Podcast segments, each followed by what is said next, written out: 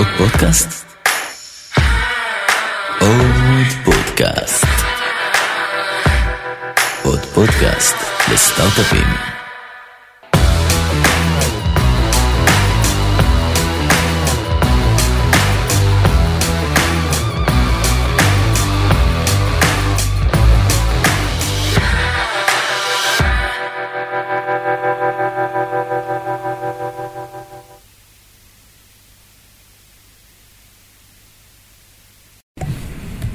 Hi.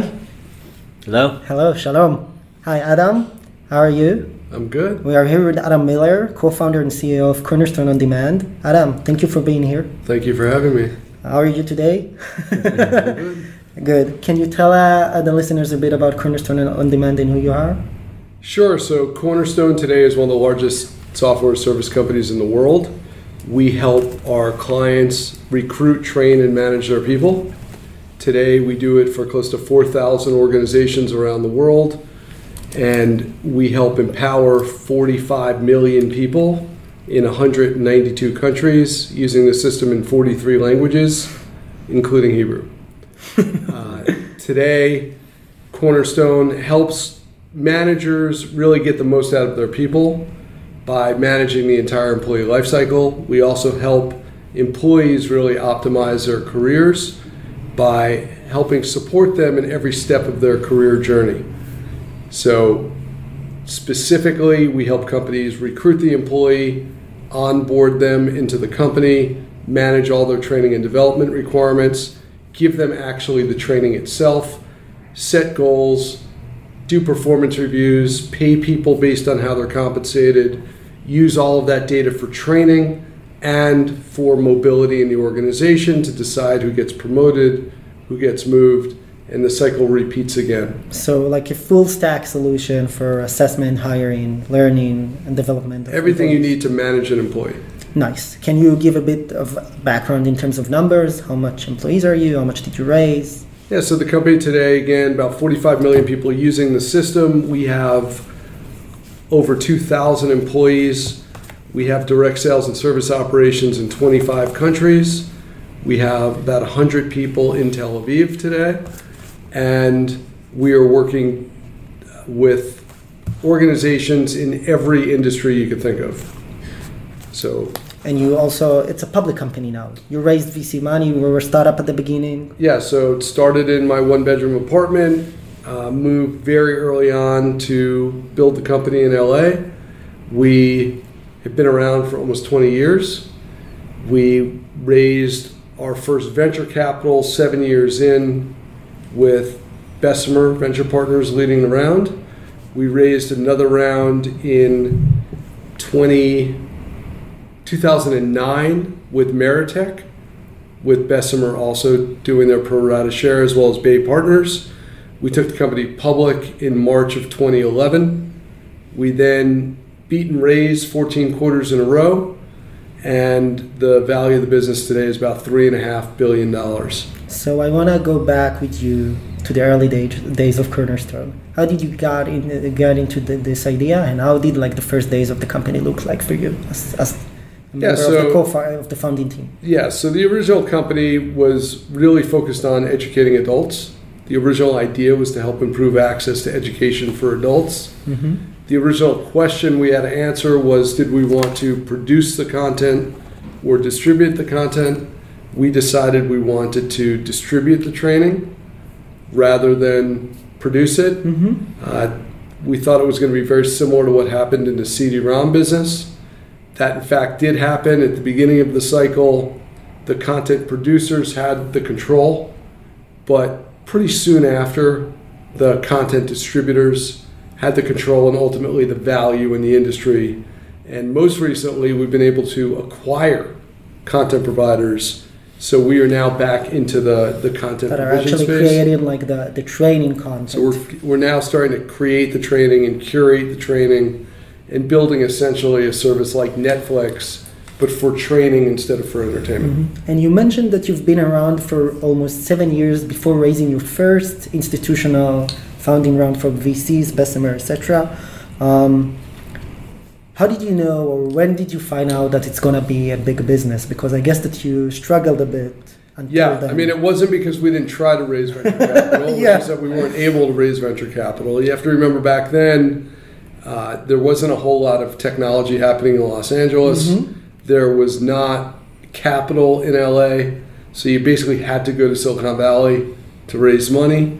And the VCs back then were resistant to investing in companies that weren't in driving distance. There was no reason for them to. The VCs have to sit on the boards. They go to the board meetings. They didn't want to have to get on a plane if they didn't need to. And so there was a much higher bar to get funded outside of Silicon Valley than it was to be funded inside of Silicon Valley. Mm-hmm. So that forced us to bootstrap the business for a long time. I think ultimately made us a stronger, better company, but it did uh, require a lot of sleepless nights to get through this is a 20 year journey of uh, leading a company. If you need to um, go back, um, what will you say was like the biggest challenges? What pick one challenge of, of leading Cornerstone from the earliest days? I mean, in the very beginning of the company, it was about capital. We had a very hard time raising money. We basically were perpetually trying to raise money and were almost always going out of business. And that was true for the first six, seven years of the business. Once we actually were able to raise capital, it then became about scaling the business. Were We were a hyper growth company starting in 2005. We 2005 was the first year that we grew at 60%, and then we grew at 60% a year in 2005, 2006, 2007, 8, 9, 10, 11, 12, 13, and 14. So, as you can imagine, that kind of sustained hypergrowth is very rare and very difficult to manage. And so, scale, managing scale, managing growth was the key challenge What for a very mean? long time. What do you mean by scale? Like employees, like um, management, kind of, Every- uh, issues. Every way that you could possibly think of it. So, how do you hire that quickly? How do you maintain a culture when you're growing that quickly? How do you maintain hiring standards when you have to hire so many people? How do you scale the technology itself to support the number of users?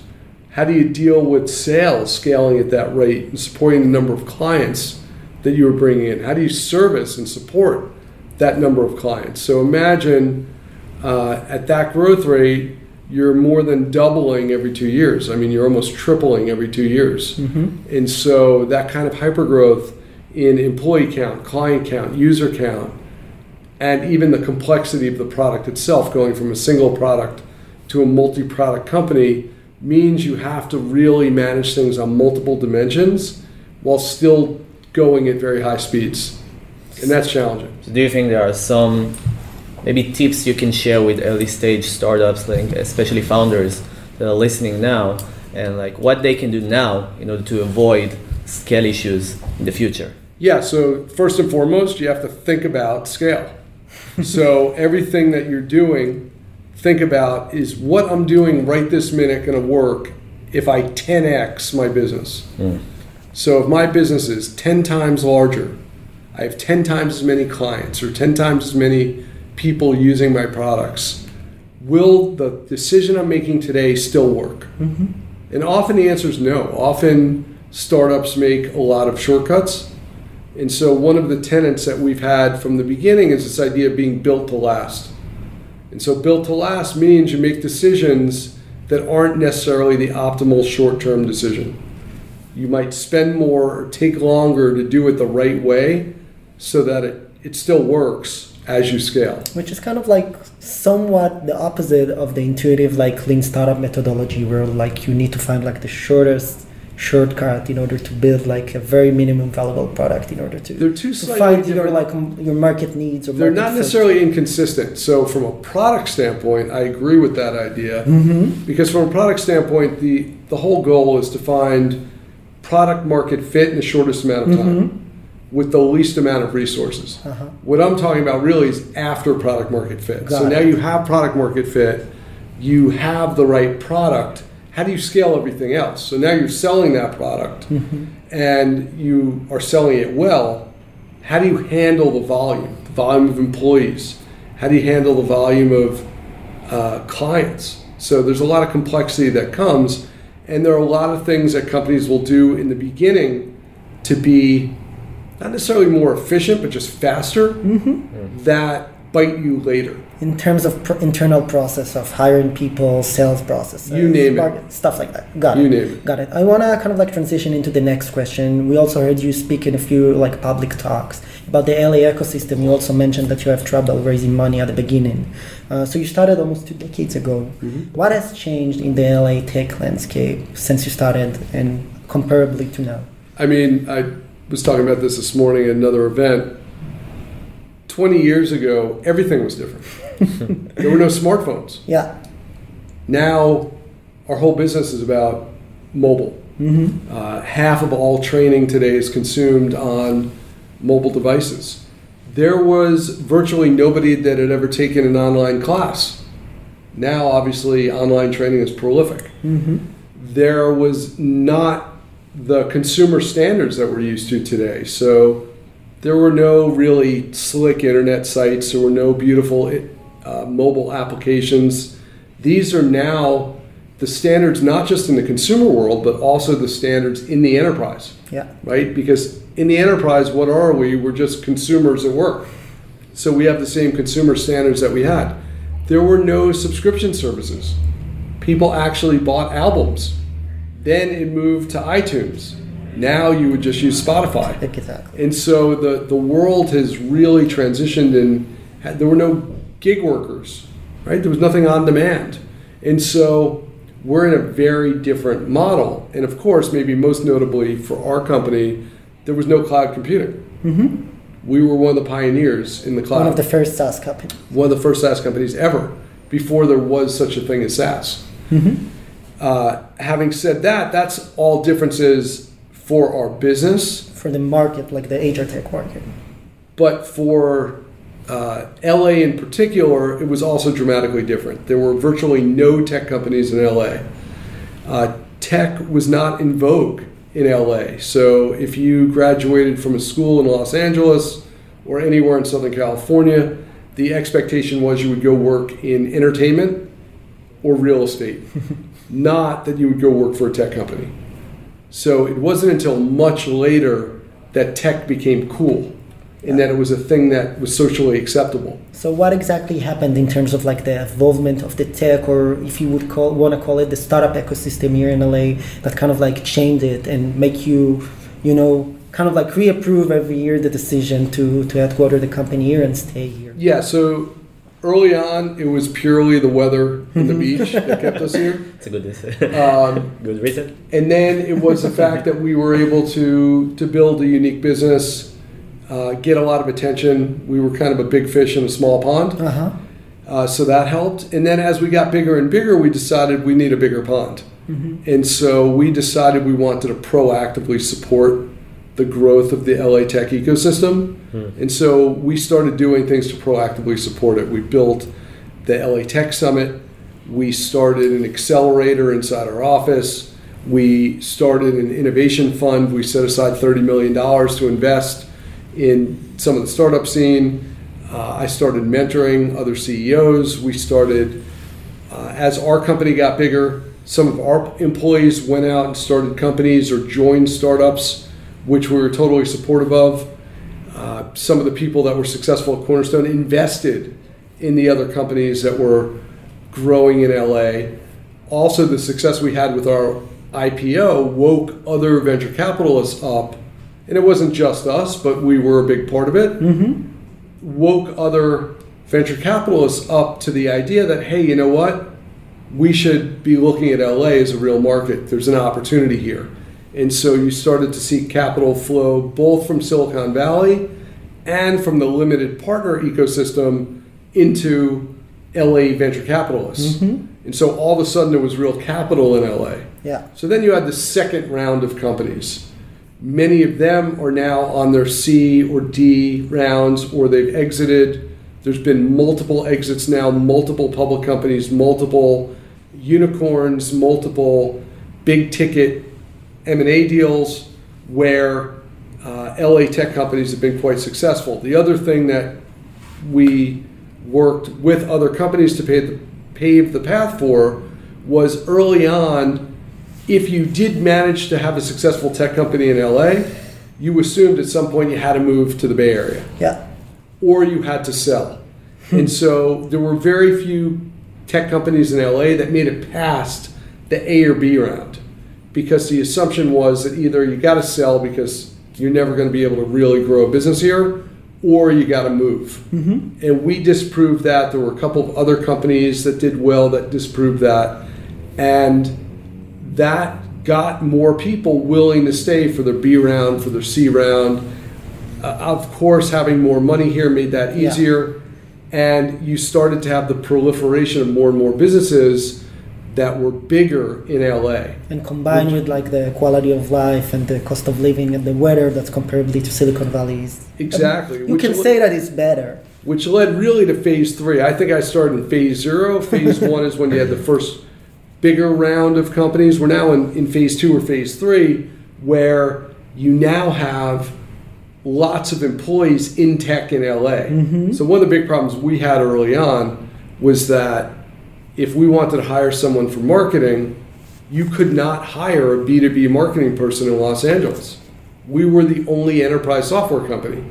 Today, if you were doing an enterprise startup, there are many people you could hire to do enterprise There is enough know-how, I would say, and skill set internally within the There's mentoring, there's cash, there's talent, all of that So allows you to build a much bigger ecosystem. So today, LA is arguably the second largest tech ecosystem in the world.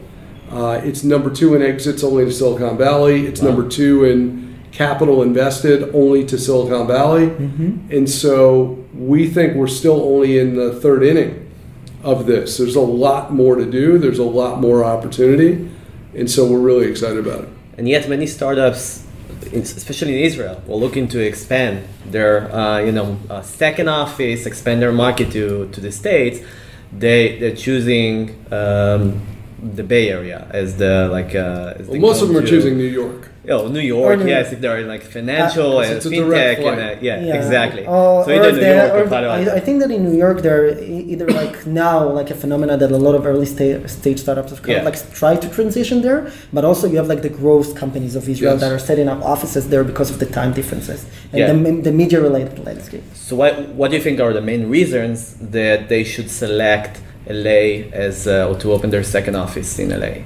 Well, look, I think there's a big issue trying to get recognized in San Francisco. There's just so many startups, there are so many companies, there are so many big tech companies that it is hard to get awareness. It's hard to hire, it's hard to find people. Small fish in a big pond. You're a very, very small fish in a very, very big pond. So it's a little bit the opposite of what we started with. And mm-hmm. today, LA is becoming a bigger pond, but it's still a lot smaller than Silicon Valley. It's still a much more collaborative tech ecosystem. In San Francisco, you have a lot of competition. It is nasty in terms of taking employees and competition across the various companies. In LA, it's still very collegial. There's a lot of collaboration across the companies with the CEOs, with others, and that makes for a better ecosystem. Uh-huh. I want to kind of like ask it from the other way around. You have a big company that you uh, set up shop here and you build it from LA. Why did you decide to build an office in Israel? So we we struck on something that's we think quite unique for us, but also easy to replicate for others, which is early on we had an employee that was one of our first employees, Efri Hurwitz, hmm. who was going back to school and In, in Israel. and needed to move back to hmm. Israel to go back to university. And so he was willing to keep working for us part time, but he needed to be back in Israel. And we had just closed our first deal in Europe, hmm. and we needed somebody to provide support during business hours in Europe. We only had a couple of employees in Europe, and they were salespeople. So we asked Efri if he'd be willing to give up his cell phone number, his telephone, so that we could go and uh, provide A European support number, yeah. which we did. And this worked really well until one day our sponsor at Barclays called up Efri, and Efri didn't answer the phone. He called again and again because there was an issue they were having, and it was affecting a compliance program that they had. And so he was getting madder and madder, and finally he got Efri on the phone, and uh, he said, "Why aren't you answering your phone?" And he said, "I have finals today. Sorry." and and that's when the scam Israeli was directness. Yeah. That's when it was over. So we had to start building out a team, and we decided to build it out in Israel. And so today, Israel is our back office for Europe, and we've been able to add more and more functions there. We still have a support team supporting our European clients So in Israel, but we also have an engineering team, telemarketing team. Uh, we have moved part of our accounting team to Israel to deal with billing and collections for our European clients. Mm-hmm. Uh, almost anything we do operationally for Europe, we do it in Israel today. Got it. And And it's been really effective. And and how do you say the differences? Because you run like a bunch of companies in an American culture, quote unquote, here, and then there is the Israeli culture, as you said. Uh, this guy Afri came to Israel and did it in a very Israeli way. Just got a European phone number and Yes. pretended, sorry for using this word, that he like have a he's the representative of a European office. Yeah. The culture is pretty different. How do you manage that as a CEO? Like the employees are dealing with it. Yeah, so I love our Israeli office. Uh, we have really, really smart people. Um, obviously, relative to California, Israel's not nearly as expensive. Mm-hmm. Uh, that's true almost anywhere in the world other than the UK. uh, so there's there's good arbitrage in terms of intelligence, capability, and cost. Uh huh. Uh, we're able to handle multiple languages. Israel, as you know, is a melting pot of many Ashkenazi Jews, and so we're able to get uh, multiple languages covered from Israel with native speakers, which is very unique. Uh, and it's a hardworking group that's done a great job. Awesome. Fantastic. I'm, I'm curious to know, as a, as a CEO or founder, now as more than 2,000 employees, how do you actually run your day, like your day to day in a practical way? So no two days are the same. Every day is completely different. This morning I woke up, I gave a keynote address at a venture conference. I then came to the office for a meeting with one of our teams. Then uh, I had a board meeting for our corporate foundation. Then we had bankers from Goldman Sachs come and pitch us on some ideas. I'm talking to They you pitch guys. you on some ideas? Oh yeah, Oh, every yeah, time. oh. Yeah, but it works the other way once you go public. Nice. it works in the other direction. Um, every day is different. Every day is different. That's what makes it exciting, but that's what makes it challenging. You have to have good people that can manage the teams. You have to decide what your levers are for control. I think there are a couple of levers that I rely on to control the business. Uh-huh. You also have to decide on um, what areas need attention. And I got really good advice once that what the CEO does is also a signal to the rest of the company. So where I spend my time is a signal of prioritization of the business to the Right. rest of the company. Right. So we're very focused on our content business right now. So I personally spend a lot of time on the content business, for example. Right. And you also have to be adaptable and you have to keep learning. The only reason I'm still CEO is because I've been willing to keep learning, keep evolving, keep changing. And that's not for everybody, but that kind of curiosity and that kind of desire to keep evolving and keep improving and keep learning is what's kept me in the seat. Do you read That's- Hebrew? yeah, that- What's up? Uh, no, because, because that was our next next question yeah, yeah. actually. No, that's a, that's a fantastic question. Uh, question. And That's a fantastic point uh, to be adaptive uh, to you know changes uh, in the world. And twenty years is like it's a, a long journey. So how do you actually keep learning and like uh, uh, as a lifelong learner? Um, what do you read? Like um, you know, it's like blogs or like YouTube. How do you actually learn as a CEO who doesn't have much time? Yeah, so one of the key things is surrounding yourself or putting yourself in opportunities to learn from other people. A big part of it is just admitting that you don't know everything, Yeah. right? So that you're first and foremost willing to learn, uh, asking a lot of questions. I do CEO roundtables, uh, CEO events. I just did one this past weekend up in Northern California with a lot of public company CEOs. And the reality is, some people go to those events and just have fun, and some people go to those events and really try to learn.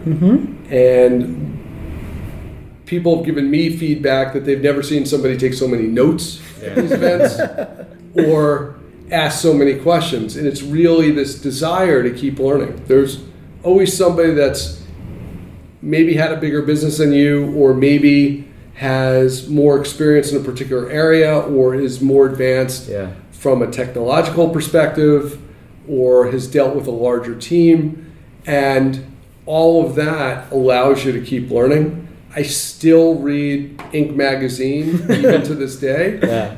Uh, and I keynoted the Inc. 5000 conference, Cool. but which was really cool for me because it was kind of the only thing that I still do from the beginning. So I was doing that when I first started the company, Nice. and I still read it because I still get stuff out of it. I mean, you can still keep learning even from much smaller businesses. I You can still get good ideas from other people I all think the time. I think this is really amazing that you utilize kind of like your network and status nowadays in order to bring around you people that you can learn from, either CEO of public companies or professionals. Uh, I think one last question that just before we wrap up. Cornerstone OnDemand, now a public company, you build it from zero to 2,000 employees. What's the vision? Where is this, where is it heading? Because you know, as you mentioned, future, it's maybe cliche, but will bring some changes with it. Yeah, so I think we are in the midst of what I like to call the skills divide. Uh, we are starting to see all over the world a big, big difference between people that have skills and people that don't. It used to be the have and have nots, used to be purely about money and access. Now I think it really is about skills. And you see this in compensation levels, you see this in market opportunity, you see this in employment opportunity, and it's only going to get wider. And so I think this is potentially very dangerous for the world. Uh, you can't have such an enormous divide between people who do have the skills and people that don't. And so I view what we do as incredibly important in trying to mitigate that skills gap and try to give people that don't have the skills for the future a chance to get them. And a lot of people assume that means learning how to code, Uh-huh. and that's not true. It's really impacting every aspect of every job today. The pace of technology, the infusion of technology into virtually every, not just industry, but every company and every job function means that people that were really good at their job for the last 20, 30 years might not have the skills for the next five years. And the half life of skills is shrinking. So you combine all that together, and people have to learn throughout their whole life. And we think we're really well positioned to do that. Do you see it challenging with the fact that a lot of uh, jobs and repetitive tasks will be replaced with AI and in the next future? Yeah, I mean, I think robotic process automation is a real thing. Uh, clearly, we've seen more and more automation, and that's part of what makes the skills divide So start to affect everybody because there will always be things that the machines can't do, at least in our lifetimes. And uh, that bar, though, keeps going up. So even we used to assume that the factory workers will be replaced by robots, but now the accountants are going to be replaced by virtual robots. And so it's moving higher and higher up the skills chain. So to stay ahead of the machines, you have to keep learning.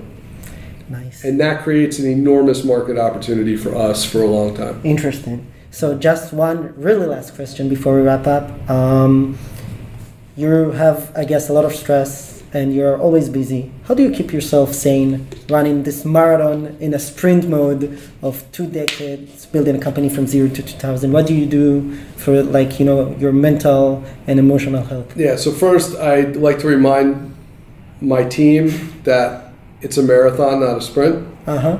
and you got to remember that. You might have some times when you speed up during that marathon, but it's a marathon. It's not a sprint, and it's not a two-hour marathon. either. Less than two hours. less than two hour marathon. Number number two, I think you need balance. I've said this from the beginning. So from the beginning, even when we were a much smaller company, I try to spend time with my friends, with my family. Uh, I'm on multiple nonprofit boards. I travel all the time, and all of that keeps balance in your life. I try to work out multiple times a week. All of those things just give you balance because at the end of the day, you can't work 24 hours a day, seven days a week, for decades at a time. you you just will absolutely burn out, and you're also not doing your best. You have to get sleep. You have to step away. You have to every once in a while get some distance from what you're doing to make sure that you're not getting too caught up in the weeds and you have a real perspective on what's working and what's not working in the business so that as needed you can make changes that doesn't mean you do it every day because you won't have any employees if you're making changes every day but it does mean every few months you should step back and say are we going in the right direction or not and if i have to adjust a little bit where, what should that adjustment be We want to, yeah, awesome. Adam, we want to really thank you for your time. Uh, that's it. It was really inspiring. Thank you. Thank you. my pleasure Toda rabah. Toda.